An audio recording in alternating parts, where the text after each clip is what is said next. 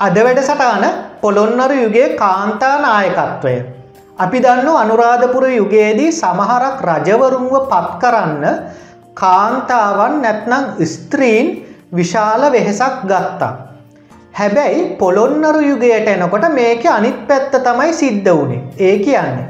පොළොන්නරු යුගේ සමහරක් රැජිනියන්ව සිංහාසනයට පත්කරේ පුරුෂයින්. ඒ ඔය සෙම්පතිවරු ඇමතිවරු වගේ බලතල නැත්නම් නිලතල දරපු කට්ටිය. එතකොට ඒවට හේතු සාධක අපි අපේ පරණ වැඩසටානක් වුණු පොළොන්නරු රාජධානයේ බිදවැටීම කියන වැඩසටානයෙන් කතා කර එතකොට අපි ඒකෙදි මතක් කර පොළොන්නරු රාජධානයේ අගභාගය වෙනකොට සමහරක් ඇමතිවරු සෙන්පතිවරු ලාභ ප්‍රයෝජන ලබා ගැනීමේ අටියෙන් සමහරක් රජවරුන්ගේ බිසෝවරුන්ව සිංහාසනයේ වාඩි කරවලා එයාලව රූකඩ වගේ නටවමින් තමන්ගේ පුද්ගලික අවශ්‍යතා වුවමනා ඕනෑ එපාකම් සපුරා ගත්ත කියලා. ඉතින් පොළොන්නරු යුගයේදී මේ රැජිනියන්ට හෙමත් නැත්නම් කාන්තා නායිකාවන්ට තිබුණේ නාමික වටිනාකමක් විතරයි. මෙයාලා නාමික වශයෙන් සිංහාසනයේ වාඩි වුණාට එයාලගේ පසුපස ඉදගෙන එයාලව පාලනය කරේ අරකිව්ව වගේ මැතිඇමතිවරු සහ සෙම්පතිවරු ඒ ඒ අයට වුවමනා කරන විදිහට. හැබැයි පොළොන්නරු යුගයේදී අපිට හම්බ වෙන ශ්‍රේෂ්ඨ නැත්නම් ටිකක් බලසම්පන්න කාන්තා චරිත නැත්නම් කාන්තා නායිකාවනුත් නැතුවා නෙවේ. පොළොන්නරු යුගේ කාන්තා නායකත්ව ඉස්මතු වෙන චරිත ගැන කතා කරනකොට අපිට වැදගත් වෙන චරිත හතරක් කැපී පේනවා. ඒ තමයි මිත්තා කුමරිය සුගලාබිසව ලීලාවතී රැජින සහ කල්්‍යානවතී රැජින කියන චරිත හතර. ඉතින් අපි මේ චරිත හතර ගැන පොඩි සංශිප්ත අධ්‍යයනයක් කරමු. ඉතින් මේ අධ්‍යයනය විල්ල බොහොම සංශිප්ත අධ්‍යයනයක් ඕලෙවල් සහ ඒලෙවල් ඉතිහාසය උගන්නනෝ වගේ ඒ ඒ චරිත සම්බන්ධව ඉන්ඩීටේල් නැත්නම් සවිස්තරාත්මකව සාකච්ඡා කරන්න මේ වැඩ සටහනයේදී අපේ බලාපොරොත්තුවක් නෑ. පළවෙනි චරිතය තමයි මිත්තා කුමරිය. කෞද මිත්තා කුමරිය කියලා කියන්නේ.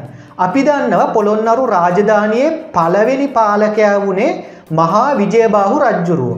මහා විජයබාහු රජ්ජුරුවෝ මියගියාට පස්සේ පොළොන්නරු රාජධානයේ ඊළඟ රජතුමා නැත්නං ඊළඟට සිංහාසනයට පත්වෙන කෙනා සම්බන්ධව විවිධ ගැටලු මතු වෙලා විජයබාහු රජ්ජුරුවන්ගේ පුත්‍රයින් ඊට පස්සේ සහෝදරයින්ගේ පුත්‍රයින් සහෝදරයෝ ආදී වශයෙන් මේ සිංහාසනයට තරග කල්ල මේක විශාල ගැටුමක් විදිහට පැතිරිලා ගිහිල්ල ඒක අවසානයේදී මහා යුද්ධයක් තරමටම වර්ධනය වුණා.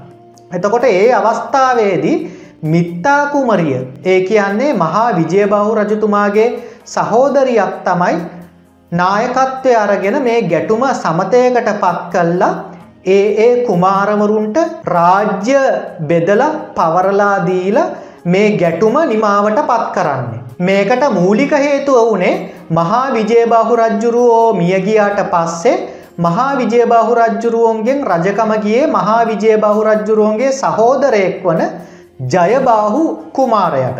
ඊට පස්සෙ තමයි මේ ගැටුම නිර්මාණය වෙන්න ඉතින් මිත්තා කුමරියගේ කුමාරවරු තුන් දෙනෙක් හිටිය ඊට පස්සේ විජය බෞ රජ්ජුරුවන්ගේ පුත්‍රයින් කියලා හදුන්වා ගන්න සමහරක් තව කුමාරවරු හිටිය ඉතින් මේ අය අතරේ මේ ගැටුම උත්සන්න වෙන්නේ. ඉතිං මිත්තා කුමරිය මොකද කරන්නේ මහා විජය බෞ රජ්ජුරුවන්ගේ සහෝදරයා වන මේ ජයබෞ කුමාරයාගෙන් පස්සේ රාජ්‍ය කොටස් තුනකට කඩලා පළවෙනි කොටස නොහොත් දක්කින දේශය මිත්තා කුමරියගේ වැඩිමල් පුත්‍රයා වන මානාභරණ කුමාරයට පවරනවා. ඊට පස්සේ දෙවනි කොටස සහ තුන්වෙනි කොටස ඒ කියන්නේ දොළොස් දහස් රට සහ අටදහස් රට කියන කොටස් කිච්චිරිමෙවන් සහ ශ්‍රී වල්ලභ කියන ඒ කියන මානාභරණ කුමාරයාගේ අනිත් සහෝදරීන්ට පවරනවා. ඊට පස්සේ මේ මානාභරණ කියන කුමාරය නැත්නම් මානාභරණ කියන ප්‍රාදේශීය රජතුමාගේ පුත්‍රයා තමයි මහාපරාක්‍රම බහු කුමාරය කියලා කියන්නේ. මෙයා තමයි පස්සෙ කාලයක මහාපරාක්‍රම බහු රජතුමා නැත්නම් පළවෙනි පරාක්‍රම් බව රජ්ජුරුව විදියට පොළොන්නරු රාජධානයේ රාජ්‍යත්වයට පත්වෙන්නේ. ඉතින් මිත්තා කුමරිය මේ ගැටුම අතරතුරේදී මැදිහත් වෙලා මේ ගැටුම සමතයකට පත් කළේ නැත්නම් මහාවිජයබාහු රජතුමාගෙන් පස්සේ පොළොන්නරු රාජධානිය විනාශයට පත්වෙලා යනෝ. එහෙම වුණානං මහා විජයබව රජ්ජුරුවන්ට පස්සේ කාලයක රාජ්‍යත්වයට පත්වෙලා අපේ රටට ජාතියට ආගමට දැනෙන්න වැඩකරපු මහා පරාක්‍රමබාහු නිශ්ශංකමල්ල වගේ ශ්‍රේෂ්ඨ රජවරුන් බිහි නොවෙන්න බොහෝ දුරට ඉඩ තිබ්බා. ඉතින් ඒ නිසා මිත්තා කුමරිය ඒ වෙලාවේ නායකත්වය අරගෙන ඒ කරපු මෙහෙවර ඉතාමත් වැදගත්. ඊළඟට අපිට වැදගත් වෙන චරිතය තමයි සුගලා බිසව කියලා කියන්නේ.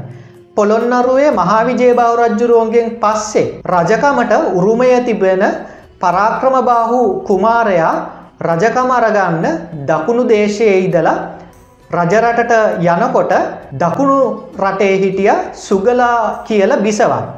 මේ සුගලා බිසව මොකද කරන්නේ පරාක්‍රම් බව් කුමාරයට විරුද්ධව කැරැල්ලක් ඇති කරලා තමන්ගේ පුත්‍රයාව යවනෝ රජරටට. ඊට පස්සේ මොකද වෙන්නේ පරාක්‍රම් බව් කුමාරයා රජරටට යනකොට සුගලා බිසවගේ පුත්‍රයා රජරට රාජ්‍යත්වයට පත්වෙලා නැත්නම් සිංහාසනය ඉදගෙන. ඒ අතරවාරයේදී සුගලා බිසව දන්තධාතුන් වහන්සේව අත්පත් කරගෙන දකුණට අරගෙන එනවා.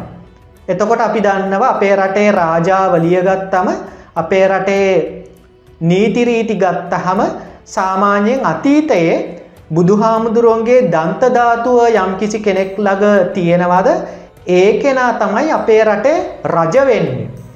ඉතිං සුගලාබිසව ගාව තමයි බුදුහාමුදුරුවන්ගේ දන්තධාතු ඉතිං සුගලාබිසව දැන් ඔන්න අපේ රට පාලනය කරන්න ගන්නවා දකුණු දේශයේ ඉදගෙන. පරාක්‍රම් බව කුමාරයට පොළොන්නොරේ රජවෙන්න උරුමය තිබ්බට දන්තධාතුන් වහන්සේ නැති නිසා පරාක්‍රම් බව කුමාරයා රජ වුණා පරාක්‍රම් බව කුමාරයා අපේ රටේ රජ්ජුරුව විදිහට පිළිගැනීමකට ලක් වෙන්නේ නෑ. ඉතින් පරාක්‍රම් බව කුමාරයට සිද්ධ වෙනවා සුගලා බිසවගේ පුත්‍රයා සමඟ සටන් කරන්න ඊට පස්සේ දෙවනුව සුගලා බිසව සමඟ සටන් කරලා දන්තධාතුව ලබාගෙන සුගලා බිසව පරාජය කල්ලා පොළොන්නරුවේ තමන්ට හිමි සිංහාසනය අත්පත් කර ගන්න. එතකොට අපි දන්නවා පරාක්‍රම් බව කුමාරයා රජවුණාට පස්සේ එයා කළ කී දේවල්. ඉතිං වංශ කතාවල සෙල්ලිපිවල සඳහන් වෙනවා පරාක්‍රම් බව රජ්ජුරුව කියන්න ඉතාමත් ප්‍රතාපවත් අභිමානවත් රජ කෙනෙක් එවගේම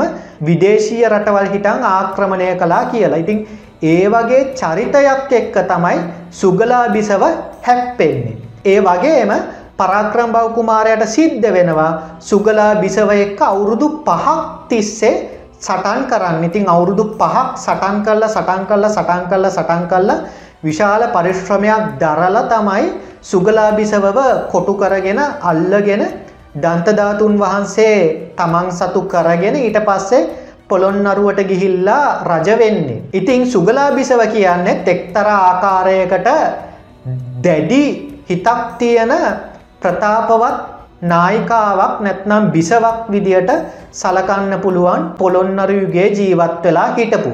පරාක්‍රම් බව රජතුමාගෙන් පස්සේ අපේ රට පාලනය කරේ නිශ්ශංකමල්ල රජතුමා. නිශ්ශංකමල්ල රජතුමාගෙන් පස්සේ නිශ්ශංකමල්ල රජතුමාගේ අඩුව පුරවන්න හරිහමන් අනුප්‍රාප්තිකයෙක් හිටියේ නෑ අපි ඒ ගැනත් කතා කර අපේ පරණ වැඩසටහනින් ඒ කියන පොළොන්නරු රාජධානයේ බිද වැටීම කියන වැඩසටානි. එතකොට මහාවිජය බාහු ඊට පස්සේ පරාක්‍රම බාහු නිශ්ශංකමල්ල වගේ ප්‍රතාපවත් රජවරු හිටපු මේ අභිමානවත් පොළොන්නරු රාජධානිය නිශ්ශංකමල්ල රජතුමාගෙන් පස්සේ සුදුසු පාලකයෙක් හිටපු නැති නිසා ක්‍රමයෙන් පරිහානියට පත්වෙන්න ගන්නවා. මේ ශ්‍රේෂ්ඨ රජවරු නැති නිසා ඒ ඒ රජවරු යටතේ හිටපු මැති ඇමතිවරුන්ට සෙම්පතිවරුන්ට තම තමන්ගේ බලය රැකගන්නු වමනා වෙනවා. ඉතින් නිශ්ශංකමල්ල රජ්ජුරුවන්ගෙන් පස්සෙ මොකොද වෙන්නේ දේශපාලනික තන්ත්‍රයේ යම් කිසි ආකාරයක දෙදරීමක් සිද්ධ වෙනවා. ඒ කියන්නේ පොළොන්නරුවේ පරාක්‍රම බව රජ්ජුරුවන්ට පක්ෂපාතිී ඇමතිවරු සෙම්පතිවරු පිරිසක් ඉන්නවා නිශ්ශංකමල්ල රජ්ජුරුවන්ට පක්ෂපාතිී ඇමතිවරු සෙන්පතිවරු පිරිසක් ඉන්නවා. ඉතින් මේ රජවරු ජීවතුන් අතර නැති නිසා මේ දෙගොල්ලෝ ඊළඟට උත්සා කරන්නේ ඒ රජවරුන්ගේ බිසෝවරුන්ව සිංහාසනයට පත් කරලා තමන්ගේ බලය රැකගන්නසා තමන්ගේ ඕමනයපාකම් ඉෂ්ට සිද්ධ කරගන්න. එතකොට පරාක්‍රම බහු රජතුමාගේ බිසවගේ නම තමයි ලීලාවති. නිශ්ශංකමල්ල රජතුමාගේ බිසවගේ නම තමයි කල්්‍යානවති. ඉතින් නිශ්ශංකමල්ල රජතුමාගෙන් පස්සේ මේ පරාක්‍රම බහු රජ්ජුරෝන්ට පක්ෂ පිරිස සහ නිශ්ශංකමල්ල රජ්ජුරුවන්ට පක්ෂ පිරිස මොකද කරන්නේ කොහොම හරිකල්ල තම තමන්ගේ රජතුමාගේ බිසෝවරුන්ව රාජ්‍යත්වයට පත් කරනවා. ඉතිං මෙතනදී යම්කිසි ආකාරයක බල අරගලයක් නිර්මාණය වෙන ඉතිං එතැන්දි වෙන්නේ පරාක්‍රම් බෞරජ්ජුරුවන්ගේ පක්ෂ පිරිස පරාක්‍රම් බෞරජ්ජුරුවන්ගේ බිස වෙන ලීලාවතී බිසවව සිංහාසනය වාඩි කරනවා. ඊට පස්සේ නිශ්ශංක මල්ල රජතුමාට පක්ෂ පිරිස නිශ්ශංක මල්ල රජතුමාගේ බිසවන කල්්‍යානවතී බිසවව සිංහාසනය වාඩි කරනෝ ලීලාවතී බිසවව පන්නලා දාලා.